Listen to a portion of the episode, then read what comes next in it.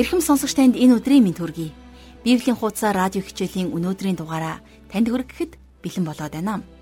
Энэ удаад бид Үйлс номтой танилцж дэлхийн түүхэнд анх Христийн бий болох сүм чуулган хэрхэн төрсөн тухай түүхийг үргэлжлүүлэн үзсээр байгаа.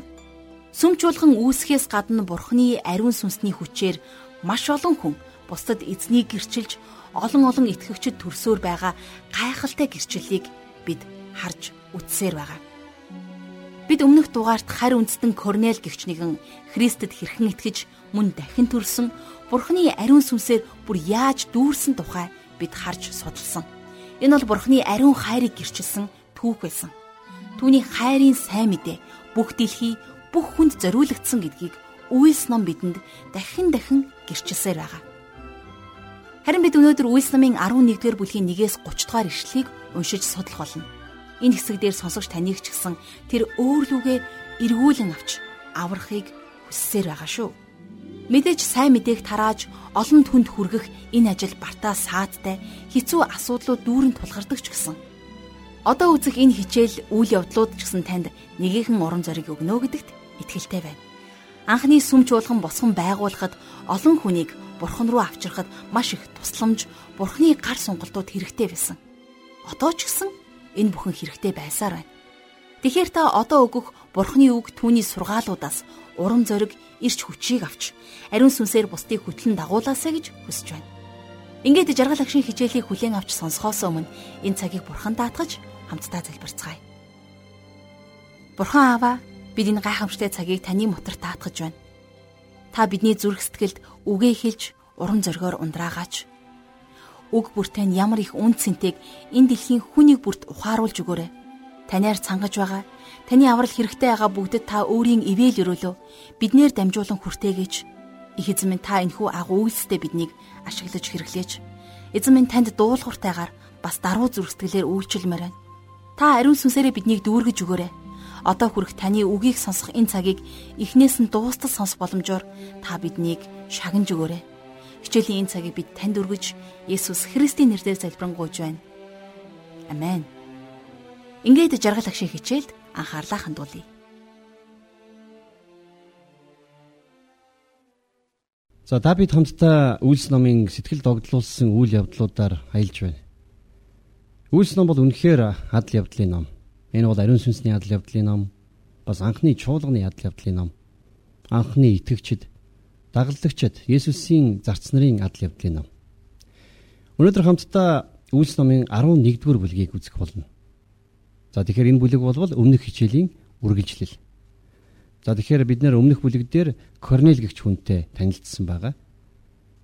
За Симон Петр хэрхэн эзнээс удирдлага чиглэлийг авч Корнелийн герт ирж тэднэрт сайн мэдээ тараасан тухай. За бас тэднэр дээр ариун сүнс ирж Тэд нэр мөн усаар баптизм хүртээн Есүс итгэснээ батлуулсан тухай үйл явдлуудыг үзсэн байна.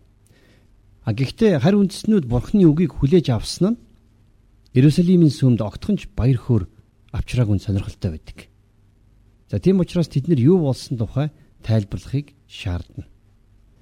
Үнэн дээр Петрт энэнд хариу өгөхөд маш хэцүү байсан. Ягд үг гэхлээр харь үндэстнүүдийн талаар тэр өөрөө ч гэсэн бас тэднэртэй адилхан үзэл бодолтой байсан. Тэр үед харь үндэстнүүдийн сүмийн төв нь Антиох хот байсан. За тэгэхээр үйл явдал цаашаа хэрхэн өрнөснийг хамтдаа Үйлс номын 11-р бүлгийн 1-ээс 3 дугаар ишлэлээс харцгаая. Бурхны үгийг харийнханч бас хүлээн авсныг элчнэр болон Евдэ даярах ах トゥ сонсцгоо.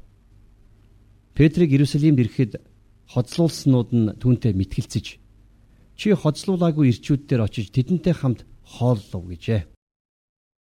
За эндээс харах юм бол дагалдагчдын дунд эргэлзээ үүсч хагарал гарч байна. За мэдээж евдээ хүний хувьд Петрийн хийсэн үйлдэл бол аимшигтай за буруу зүйл байсныг бид нар ойлгох хэрэгтэй. Петр ч гэсэн өөрөө тэднэртэй адил үзэл бодолтой хүн байсан. Хэрвээ ариун сүнсээр удирдуулаагүй байсан бол Петр хизээч ийм зүйл хийхээргүй байсан баг. За ингээд Петрийн тэдний асуултанд хариулсан хариултыг нь сонсохоор Петр бараг хийсэн зүйлдээ хүлцэл өчөж өөрөө хиймэргүй байсан ч гэсэн бурхан тэрнийг явуулсан гэж хэлж байгааг хамтдаа 4-өөс 6 дугаар ишлэлээс харцгаая. Харин Петр тэдэнд дис дараатаа ийм тайлбарлав. Йопа хотод залбирч байхдаа би хит хөөрөлд автаж том бүтээлэг мэд сав тэнгэрээс доошлсоор дөрвөн өнцгөөрөө яг над руу буун ирэх үзэгдлийг харав. Би ажиглан харахад тэнд газрын дөрвөн хөлт амьтад зэрлэг араатнууд хевлэр явагчд болон тэнгэрийн шууд байлаа. За ингэж хэлсэн Петрийн тайлбарыг сонсоод тэд нар бурхны тушаалд гайхсан хിവэрэ байгаа нь одоо ч гэсэн харагддаг. За 7-оос 10 дугаар ишлэгийг харах юм бол мөн би Петрэ бос нядлаад ид гих дууг сонсов. Харин би эзэн яасан ч үгүй.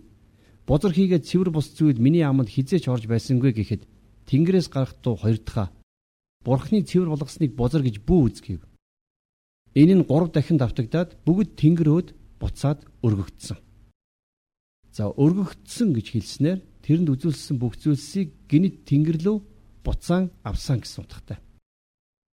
За цааш нь 11-р бүлгийн 11-ээс 15 дугаар ишлэлдэр Гэтэл тэр үед байсан айлын минь үүдэнд 3 хүн ирсэн нь Кайсараас над руу илгээгдэхсэд ажээ. Иргэлзэлгүй тэдэнтэй явахыг сүнс надад хэлсэн юм. Надтай хамт энэ 6 ах トゥ явсан бөгөөд бид ч тэр хүний герт очив. Тэрээр герт нь тэнгэр элчийн зогсож Йопа руу хүн илгээж Симон буюу Петрийг энд авчруул. Чамааг болон грекнийг чинь бүгдийг нь аврах үгийг тэр чамд ярина гэхийг хэрхэн харснаа бидэнд ярив намайг ярьж эхлэхэд ариун сүнс анх бидэн дээрх шиг тэдэн дээр бас буулаа. За ингэж өөртөө тохиолдсон ариун сүнсний хийсэн үйл явдлыг ярьсныхаа дараагаар Симон Петр энэ тухай түүнд өөрт нь ямар бодол төрснийгөө ярьж өгдөг. За 16-аас 17 дугаар ишлэлдэр Тэгэхэд би Йохан усаар баптизм хүртээсэн бол харин та нар ариун сүнсээр баптизм хүртэх болно гэсэн эзний үгийг санав. Эзэн Есүс Христэд итгэсний дараа бидний өгсөний адил бэлгийг Бурхан тэдэнд өгч байгаа бол Бурханд саад хийх би хэн билээ гэж хэлсэн байна. За тэд нэр харь хилээр ярьж эхэлсэн нь ариун сүнс тэдний дээр буусныг харуулсан нотлохоо болсон юм. Петр эннээс өөр аргаар ариун сүнсний ажлыг мэдэх боломжгүй байсан нь мэдээж. За тийм учраас дараагийн ишлэл дээр буюу 18 дугаар ишлэл дээр Тэр үүнийг сонсоод дуугүй болж бурхныг алдаршуулан ам өгөх гимшлийг бурхан бас харийнханд сорихжээ гэцгээв. Энэ бүгдийг сонсоод уламжлалаа хамгийн сайнаар хичээнгүйлэн сахидаг байсан евдээ хүнчгэлсэн хэл хөггүй болсон.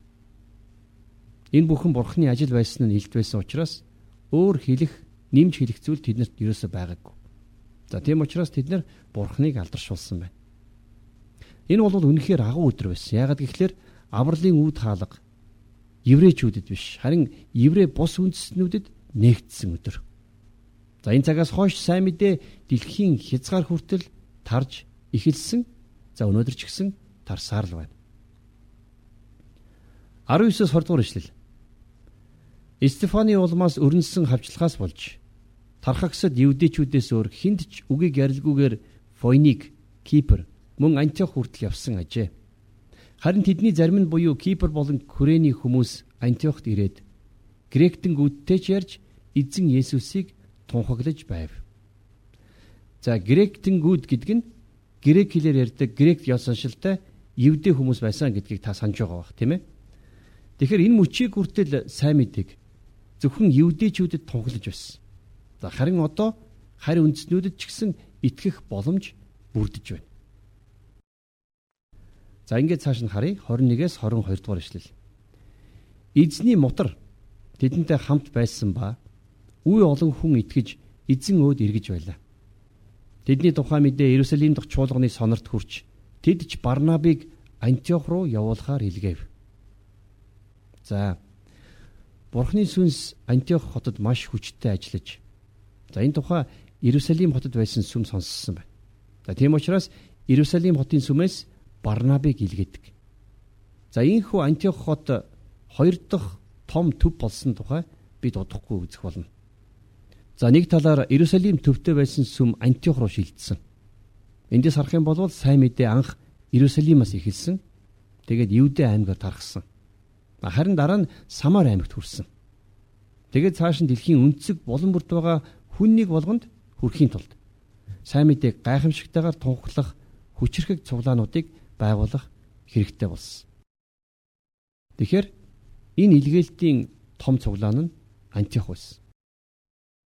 За тийм учраас дэлхийн түүхэнд анх удаага энэ чуулганыхныг Христэд итгэгчд буюу Христийнхэн за Христийн дагалдагчд гэж нэрлэсэн байдаг. За ингээд дараагийн ишлэгийг харцгаая.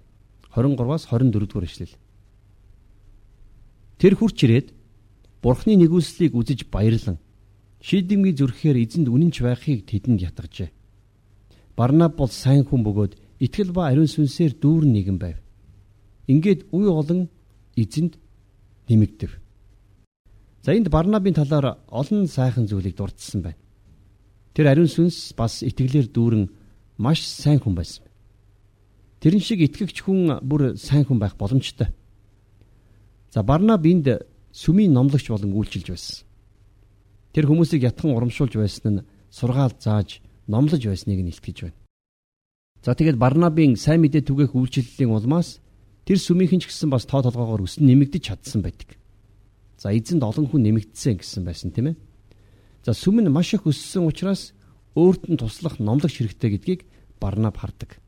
За тэр хүнээ хаанаас олохыг харин Барнаб мэдэж байсан. 25-аас 26 дугаар ишлэлдэр тэгээд тэр Саулийг олохоор Тарс руу явжээ. Барнаб түүнийг олж уулзаад Антиохт дагуулan ирэв. Ийхүү бүтэн жилийн турш тэд чуулганд цуглаж олон хүнийг сургажээ. Дагалдагчдыг Антиохт анх удаага Христийнхэн гэж нэрлэх боллоо. За Барнаб Саулийг авчрахын тулд тэрнийг ирж хайсан. За миний бодлоор Саул шууд Барнабыг дагаад ирэхэд бэлэн биш байсан. Магадгүй ирэхээс татгалзаж жаахан дурамчхан ч байсан байж магадгүй. За тиймээс тэр шууд ирэлгүй түр азандаг. За бас энэ хотод анх Есүс итгэдэг хүмүүсийг Христийнхэн гэж нэрлж эхэлсэн байна. За энэ манай Монгол итгэгчдийг Есүсийнхэн гэж нэрлэхтэй адил да. За энэ нэр тэднийг шоолж доромжилсан үг огтхонч байгаагүй.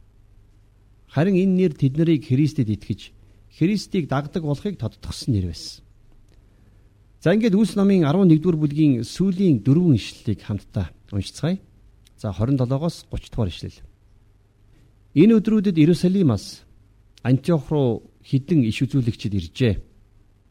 Тэдний нэг Агаб гэгч босож сүнсээр зааварчлагдан бүх дэлхийг хамарсан их өлсгөлэн болно гэж хэлв.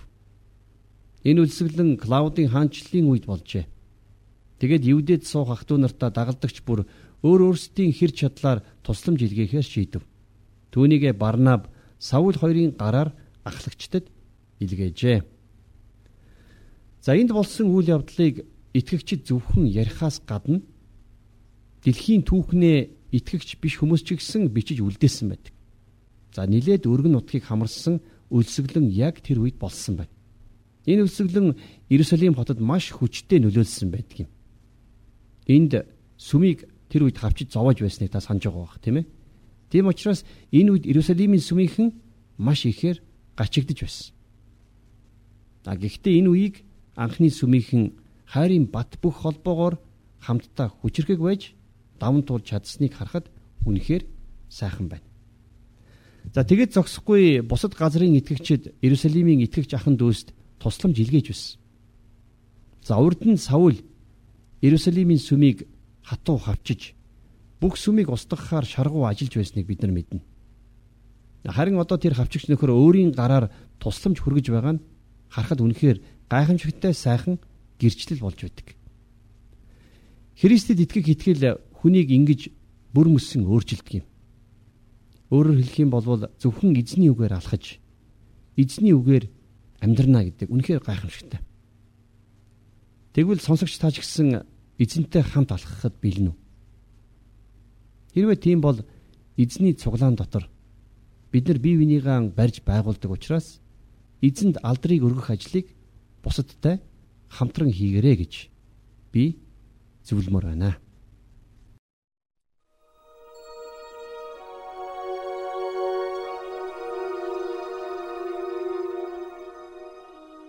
Тэгэхээр бурханд итгэснээр бид жинхэнэ авралыг авах болно гэдгийг гэрчилсэн гайхамшигтай номын сургаалыг хүргэж байгаа жаргал агштаа үнэхээр их баярлалаа.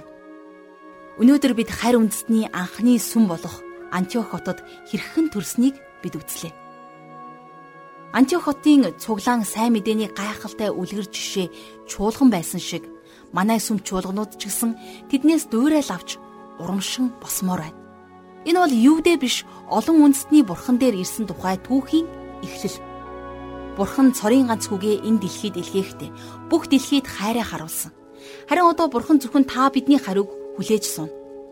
Ингэж чадвал дэлхийн бүх улс үндэстэн бурхнаар хайрлуулж түүний ард түмэн болох хувь зохиолыг амсаж мэдрэх болно. Бурхныг ойр байхад түүнийг хай гэсэн үг байдаг. Тэр өнөөдөр та биднийг хүлээж байна. Харин та өнөөдөр түүнд алхуурлаж хойш суулгүйгээр харин бурханд хариу өгч түүний нэрийг алдаршуулахын төлөө Барнаб шиг, Саул гэгдэх Паул шиг, Петр шиг үйлчлээрэй. Ингээд энэ хүрээд өнөөдрийн хичээл маань өндөрлөж байна. Харин та сурсан зүйлийнхаа төлөө бурханд талархаж хэрэгжүүлэх урам зориг нэгүслийг түүнээс заавал гуйгаарай. Тэр заавал өгөх болно. Бурхан эзэн минь энэ цагийн төлөө бид таньда талархаж байна бидний гим нүглийг уучлж өөрийн ариун сүнсээрээ дүүргэж өгч байгаад баярлалаа. Их эзэн минь ээ бид таны дуудлагыг хүлээн авч дуулууртай зэр зүрстгэлээр дагахаас гадна бурханд итгээгүй байгаа тэр олон хүний зүрстгэлийг тань руу эргүүлэхэд та биднийг ашиглаач та бидэнд туслаач их эзэн минь ээ бид таныг эрен хааж өдөр бүр тантай хамт алхах тэр замыг та ивэж өрөөгөж та тэр замыг тод томруунаар зааж бидэнд харуулаач Бид танд бүх зүйлээ даатгаж бидний цорын ганц найдвар болсон Есүс Христийн нэрээр залбирanгуйж байна. Амен.